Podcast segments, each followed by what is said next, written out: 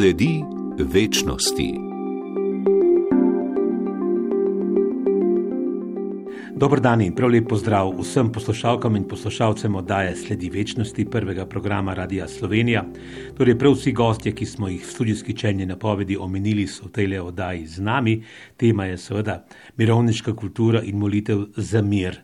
Če kdaj, ne, pater dr. Karl Gržan, potem je ta prav zdajšnji čas, po dveh letih COVID tiranije in po teh rožljanjih vojne v naši neposrednji bližini, čas, da ozavestimo to potrebo po molitvah za mir. Ja, da ozavestimo to potrebo in da vzpostavljamo v sebi obnebje miru, da stopimo v globino svoje osebnosti, ker je človek presežno bitje. Obnebje singularnosti ni le v vesolju, ampak je Vsak človek malo vesolje, mikrokozmos in v svojem osebnem jedru ima obnebje presežnosti, kjer se stika svet in sveto in da sebe v, tem, v tej povezanosti notranje svetli, da, da, da na, navezuje nas te atribute, ki jih pripisujemo Bogu, eh, to pomeni mir, spokojnost, blagost, prijaznost, sožitje, dopolnjevanje.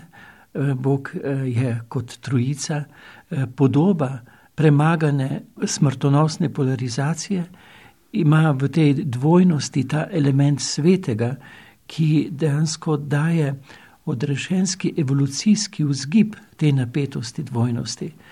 Torej, da, da se prebudi vslehrnik v globini svojega jaza, v mir in da potem ta mir deli z sočlovekom, da ta mir valovi.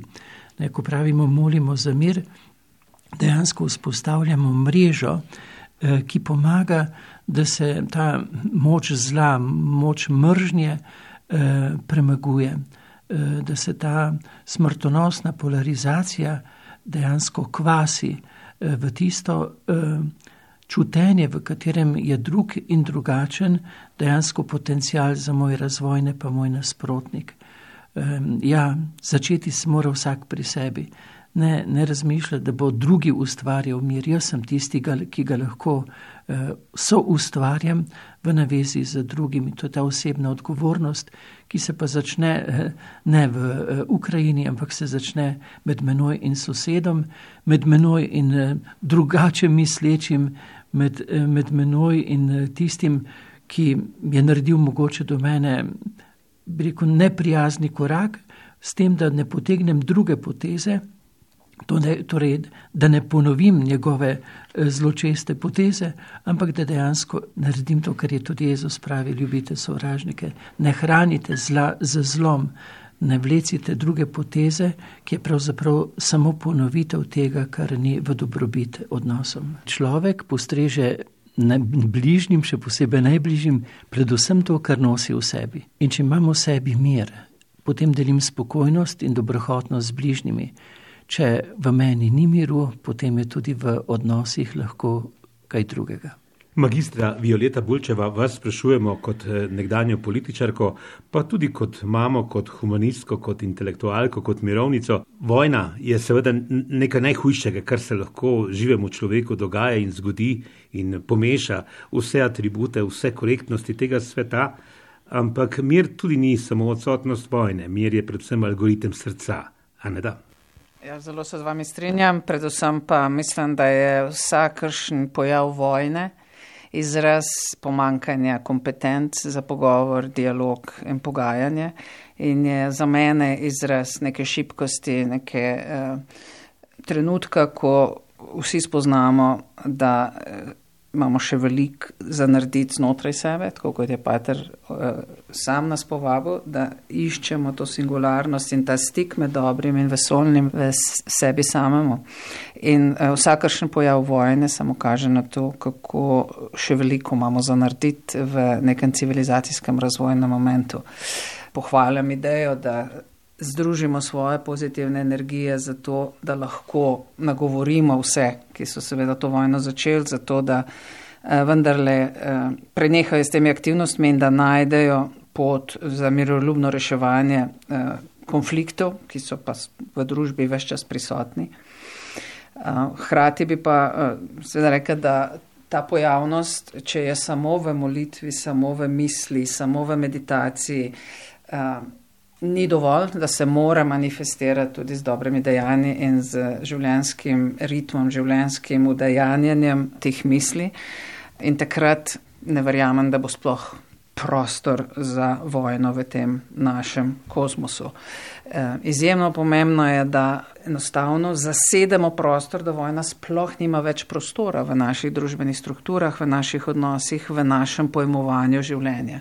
In tu mislim, da lahko skupaj še zelo veliko naredimo. In to, kar ste zdaj rekli, pa kar je prej pater Karl Gržan omenil, ko ta mir kot derivat, ta transfer med pametjo in srcem nekako napolni tole naše zavedanje, da smo, da smo ranljiva bitja, da smo neponovljiva bitja, da smo vsi brezpogojno podarjeni v ta prostor in čas drug drugemu kot izjemna priložnost človeškega. Ne? Dokler tega ne bomo ponotranili na tej naši bivanski vsakodnevni ravni, med menoj in teboj, v službi, eh, na avtobusu, kjerkoli že smo, bodo topovi še vedno glasni. To samo pomeni, da ne živimo iskreno.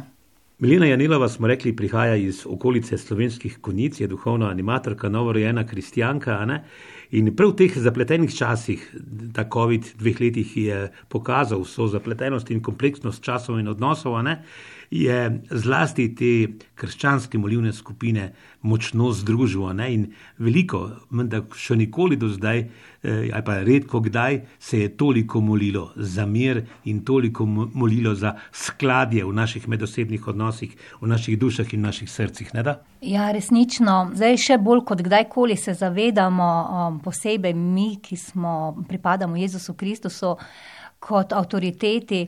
Jaz bom pač iz sebe govorila. Um, imela sem mnogo vojn, lahko rečem, da še tudi zdaj živim na nek način v vojni, ampak hkrati sem pomirjena, ker se zavedam, odkud, sem, odkud prihajam, kaj je moj namen tukaj in sedaj na zemlji in kam grem. In seveda, ko se tega zavedam, eh, moj Bog oče je stvar, jaz verujem v trojedinega Boga, v Boga, v Boga očeta stvarnika, ki je vse ustvaril in je mene tudi ustvaril in me ustvari po svoji podobi, ne samo po svoji podobi, ampak popolno. In ko vem, da je on eh, deloval z besedo in da je on ustvarjal z besedo in je mene na svet poslal kot luč, pravzaprav vsakega, ki veruje v njega in v njegovega edinorojenega sina Jezusa Kristusa, ki je plačal ceno, za naše stranpoti, za naše grehe in da jaz vem, da sem po njemu ozdravljena, da sem po njemu osvobojena, da sem v njemu v miru in uh, da sedaj živi Jezus Kristus na desnici Boga Očeta, v moči svetega duha, ki deluje. Vam povem, da je odkar imam to zavedanje, to trojedinosti, tudi o tem je Karel govoril, pa eh, Violeta, ko se zavedamo, kako, kakšno moč ima že sama misel in ko jo mi projiciramo v besedo, ki je že druga stopnička, potem je do, do dejanja tako še samo majhen korak. To pomeni, da vse te dimenzije miselno-besednega prebijemo, in tretja stopna je pa tako samo poseg po orožju, po vojni, tako kot se zdaj dogaja mi se moramo zavedati, kako ključne so naše misli, kako konc koncev so naša misel kot načrt. In ko že preidemo v besedo, kot v stvariteljsko eh, dejanje, ki tudi Bog je ustvarjal po besedi, rekel je: Bodi sonce in je bilo sonce, da se mi moramo resnično, še posebej kot kristijani, kot sledilci Jezusa Kristusa, zavedati moči besede, kajti po njej je vse ustvarjeno in mi kot taki imamo, kot kristijani, imamo izjemno odgovornost v času in prostoru, kaj govorimo, pravzaprav že kaj mislimo, kaj govorimo, dejanja pa ali so usklajena z Božjo besedo in so pol nas tudi v tem času in prostoru postavljajo kot luč, kot smerokaz k dobremu, k plemenitemu. Z tega zornega kota, kar smo do zdaj rekli v tem le koščku oddaje, govorimo pa o mirovniški kulturi in o molitvi za mir v naših dušah, v naših srcih, v naših medosebnih odnosih in v svetu, je mirovniška kultura en pomemben etični projekt vseh nas. Ne? ne le čisto običajna moralna domača naloga, ampak eksistenčna podoba preživetja. Ne, če ne bomo skrajno dvignili tega rejtinga, to vrstne morale mirovniške, nam ne bo enostavno ne živeti in ne preživeti. Kaj? Zagotovo. Predvsem pa moramo uh, združiti ta razkorak med dobro, iskreno mislijo in dobrim in iskrenim dejanjem ter tistim, kar vidimo okrog sebe v današnjem času in prostoru. Danes uh, posledica vojne je pravzaprav tudi uh, moč iskati ravno v tem uh, razkoraku, ko ljudje zelo lepo govorijo, posem drugače se obnašajo v praksi in posem drugače realizirajo te misli potem v nekem prostoru. In mislim, da, je, da smo živimo v času, ko se bo vsak mogel zelo globoko v sebe ozret in narediti tisto, kar iskreno čude je prav.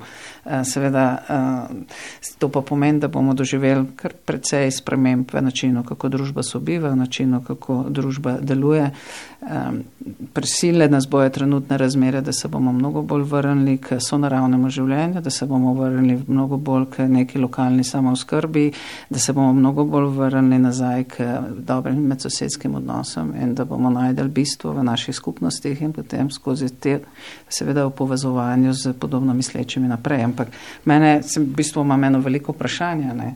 Uh, jaz imam veliko spoštovanja seveda do uh, vsega, kar predstavljajo vere, vendar nažalost predstavniki vere uh, radi uh, pridejo v crkvo in molijo, vendar v svojih vsakdanjih dejanjih posem zastopajo posem drugačne ideje in uh, manifestirajo posem drugačne uh, odnose, kot to uči krščanstvo. Posebej upozarjajo, ne, da če je religija eh, odtujena duhovnosti, misti, mistike je lahko zelo nevarna. Ne. Posebej tu upozarjajo na to stališče eh, monoteizma. Eh, namreč, če jaz zastopam stališče, da imam edino jaz prav, eh, musliman pa ne, sem pač do njega potrpežljiv, ko je to potrebno, eh, ko pa ni potrebno, pa lahko se ravna tudi drugače. In isto, musliman, ki je prepričan, da ima samo on prav, dejansko na drugi strani razmišlja prav tako, bi bomo morali res posebiti koncept trojstva, ne, e, trojice, premagati polarizacijo. E, to pomeni, da bomo mogli znati unesti božji delček, to, kar je stimulans za rast in preraščanje in za sobivanje. Od dvobojevanja bomo morali preiti v igrivost odnosa. Ne. Zdaj, um, govorimo oče, sin in sveti duh, ampak gre dejansko, eh, kaj pa je Bog ljubezen. In tukaj bomo morali priti do tega, drugače bo eh, se ta nestrpnost poglabljala in drugače eh, bo dejansko toleranca vedno znova, kot je bilo do sedaj v zgodovini, pokazala tudi zobe do tistih, ki ne mislijo prav tako, kot mislim jaz. To, na kar je ja. verjetno želela magistra Violeta Bulčeva upozoriti, je to, da so bili nekateri verski sistemi, kot je denimo v tem primeru zdaj le pravoslavje, ki je močno upleteno v te vojne zadeve v Ukrajini, to je bilo vedno stoletja carska crkva. Car in, car in patriarhi so bili z roko v roki, tudi ko je bil Putin pred nekaj leti na vršiču, je prišel za svojim crkvenim poglavarjem sem skupaj. In tudi rimokatoliška crkva je se zelo rada družila z carji in vladarji tega sveta skozi, skozi vso zgodovino. Se ravno to je problem. Takrat je, recimo, ko je papež nastopil mesto, eh, kakor cesarje na zahodu, ne, je prišlo od tega, rekel, modela trojstva v model polarizacije, ki so jo tudi rimljani gojili, ne, poglabljali, a si naš ali nisi naš. Ne. Eh, to pomeni, eh, da dejansko. Vete, Božji duh je nekaj čisto drugega, kot je duh eh, sveta, ne? kot je duh dvojnosti. V, v Bogu je igrivost, je dopolnjevanje, je sodelovanje in recimo zdaj eh, v zvezdi Oriona, ne? na katerega se pogosto eh, oziramo in je sveto v zvezdi. Zakaj? Ker zgornji trikotnik Oriona se dotika spodnega in ustvarja v tej dvojnosti spodnjih dveh zvezd ustvarja element tretjega, odrešuje to smrtonosno polarizacijo. Eh, in mi bomo morali res narediti nekaj v premiku zavesti, ker če pomislimo, na koliko desetine žrtev so terjale dosedanje vojne, mi pa še vedno delujemo po istem modelu. Ne, eh, v, v katerem se eh, dejansko tisti, ki sprožijo vojno, držijo na varnem, ne, tisti, eh, ki pa jim pošiljajo v konflikt, v dvobojevanje, eh, rečemo soldate, ki jim niso vredni niti za sod in umirajo civilisti. A je bilo v času opisane civilizacije kdajkoli drugače? Nikoli. Ja, bilo je opisana civilizacija. Moški so se vedno mesali in klali med ja. sabo. Skozi celo zgodovino. Ženske so osvobajale svet, če so ga. Ne? Ja, to, to je res, ampak mi poznamo recimo zgodovino od recimo rimskih časov dalje, ne, bolj podrobno. Kako je bilo pa v preteklosti, ne? sam raziskujem tudi te megalitske konstrukcije, je bil pa vedno model trojstva tisti, ki naj bi odreševal polarizacijo. Torej, v tej verski oddaji mi govorimo o tem, kako je treba se zlu upreti z molitvijo, s pozitivno mislijo. To je tudi edini način, da bomo skupaj vsi kot državljani, kot sitvajeni, prispevali po svojih najboljših močeh k humanizaciji tega sveta, ki je, kot smo rekli, kdaj znaj biti, kdaj grob. To, o čemer zdaj le govorimo na posebno žlahten način, govori poslovni mož Franci Plivršek iz celja, direktor firme Mik Celje, ki mimo grede daje kruh okoli 300 družinam, eh, proizvaja pa stavbno pohištvo in prezračevalne sisteme. Vi sami, gospod Franci, večkrat ste pripovedovali, da kdaj zaidete v kakšen samostan in ste tam pri menihih, kakšen teden dni ali več, da na ta način v podobi individualne kontemplacije doživljate tole presežno, ki je tako rekoč eh, ena primarnih potreb kot hrana in voda za vsakega človeka. In eh, ta duhovna plat je med vami, ki ste poslovneži, tako le na zunaj manj prisotna, ampak v osnovi je pa, ja, vsi govorimo zgodbo istega. Ne? Ja, iskati sam sebe eh, je tisto, kar je največ, kar lahko narediš. In v tej, kje, ga, kje iščeš, so pač prostori, ki so temu namenjeni, in tudi crkve, samostani in to eh, je navzeto, te navdaja, da se lahko najdeš. Predvsem pa iščeš tisto spokojnost, predvsem tisto veličino, ki jo bi rad podal svetu. Tako da je to med poslovneži sicer malo manj, bolj tabu tema, ampak eh, vsi ta pravi, eh, iščemo sam sebe in probamo narediti kaj dobrega, bi lahko eh, iz našega dela, ustvarjalnosti, potem dali bližnji okolici, sosedom, zaposlenim, strankam in seveda bili vzor tudi drugim, bom rekel, da bi postali boljši. Ne? In prav zdaj bi morali tudi ta poslovni svet v tej vojni za za Ukrajino, ne, eh, res biti konec in gledati, kaj bi lahko naredili eh, vsi skupaj, tudi zahodni svet, da do tega ne bi prišlo. Ne. Kajti vedno je včasih dobro popustiti, ne, ne pa iti v kontrasmer, tudi vsi sogovorniki za to razlabljali, najti, kaj bi lahko naredili tudi mi, da, da ne bi do tega prišlo. Vsi bi še želeli mir, ljubezen, srečo, veselje, blaginjo, blagostanje, radost eh, in to moramo kazati z nekako proti ukrepi, z preventivo. Ne. Vse vojne so se končale za mizo in verjamem, da se bo tudi ta in prej, ko se bo boljš za vse nas, predvsem pa za tiste ukrajinske družine katere, in vojake, kateri so morali gostiti topel don, ker so se imeli fajn, če jim ni manjkalo, tudi če so imeli malo manj eh, prihodka, ampak ljubezen, sreča in mir se kaže v tej notrnosti, razdajenosti in ne samo v veličini denarja, kot ga nekako pozna svet, oziroma ti veliki oligarhi, ki se pač te vojne gredo. Se pravi, če kdaj, potem je prav zdaj to, da na poseben način v naših medosebnih odnosih in v širših družbenih, struk, družbenih strukturah definiramo mirovniško kulturo kot en zgoščen način duhovnega prebujanja in obstajanja. Ne? To se strinjam, imam pa še en predlog, zelo konkreten. Eh, kadarkoli bo imel kdo idejo, da začne vojno, naj se najprej spopadeta predsednika tistih dveh držav, ki želite to vojno začeti, in potem mislim, da bo vojna konc v enem dnevu. Če uh, že to ne gre, potem naj se pa generali vsaj med sabo spopadejo, pa bo verjetno tudi v parih dneh vsake vojne konc. Kaj se zgodi v teh vojnah? Kdo nastrada? Ženske, otroci, eh, nebogljeni, starejši ljudje in predvsem pacifisti. Mi lahko govorimo o tem miru in o miroljubnosti in o molitvah za mir, kolikor hočemo hočemo, ampak dokler ne bomo mi vplivali, da bojo vodili države ljudje, ki imajo ta pacifizem notor v svojem srcu, do takrat tega miru na svetu ne bo. Ja, nekaj dodati. Ne? Um, na globalni ravni to, ne? na lokalni ravni pa sem jaz tisti, ne? ki mora v sebi prebujati mir, spokojnost in živeti mir. Ne? Ti, recimo... V odnosu do žene, v odnosu do sodelavcev, v odnosu do šefa, v odnosu do soseda, v odnosu do otroka, v odnosu do nemočnih, do invalidov, do izpostavljenih, do ponižanih, razžaljenih. Ja, zato ne, ko razmišljamo o molitvi za mir, ne, zato so se ljudje vedno znova iz cone napetosti, recimo, ki se lahko pojavijo v družine, umikali v posebne svete prostore ali pa ob, obne, obnebja in iskali zopet v sebi tisto ravnovesje, ne? tisto notranjo spokojnost, da ni bilo vojne v prenapetosti, ampak da so to napetost vedno znova umirjali eh, in lahko v praksi živeli sožitje. Ne? Seveda pa mora to sožitje temeljiti na medsebojni pravičnosti, spoštljivosti in odgovornosti. Ne? E, to je vendarle temelj tega, da lahko potem govorimo o ljubezni in miru. To je bil torej pater dr. Karl Gržan v tej naši današnji verski oddaji, ki jo zdaj zaključujemo. Še vsak od ostalih treh en stavek, dva ob koncu.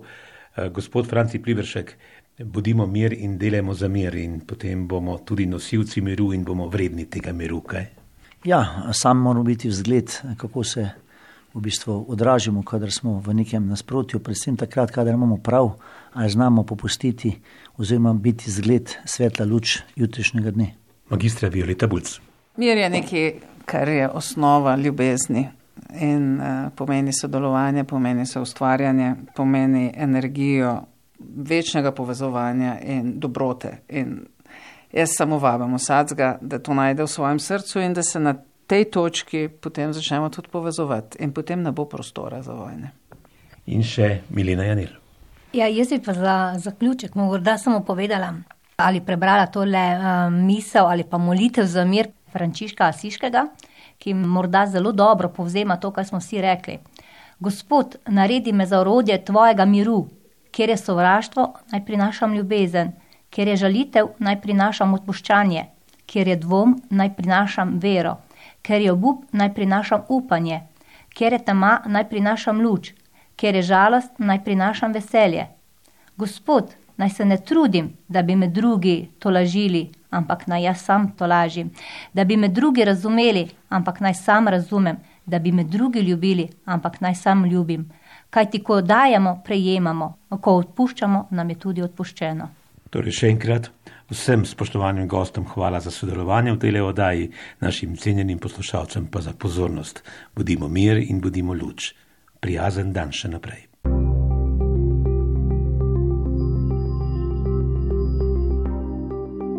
Sledi večnosti.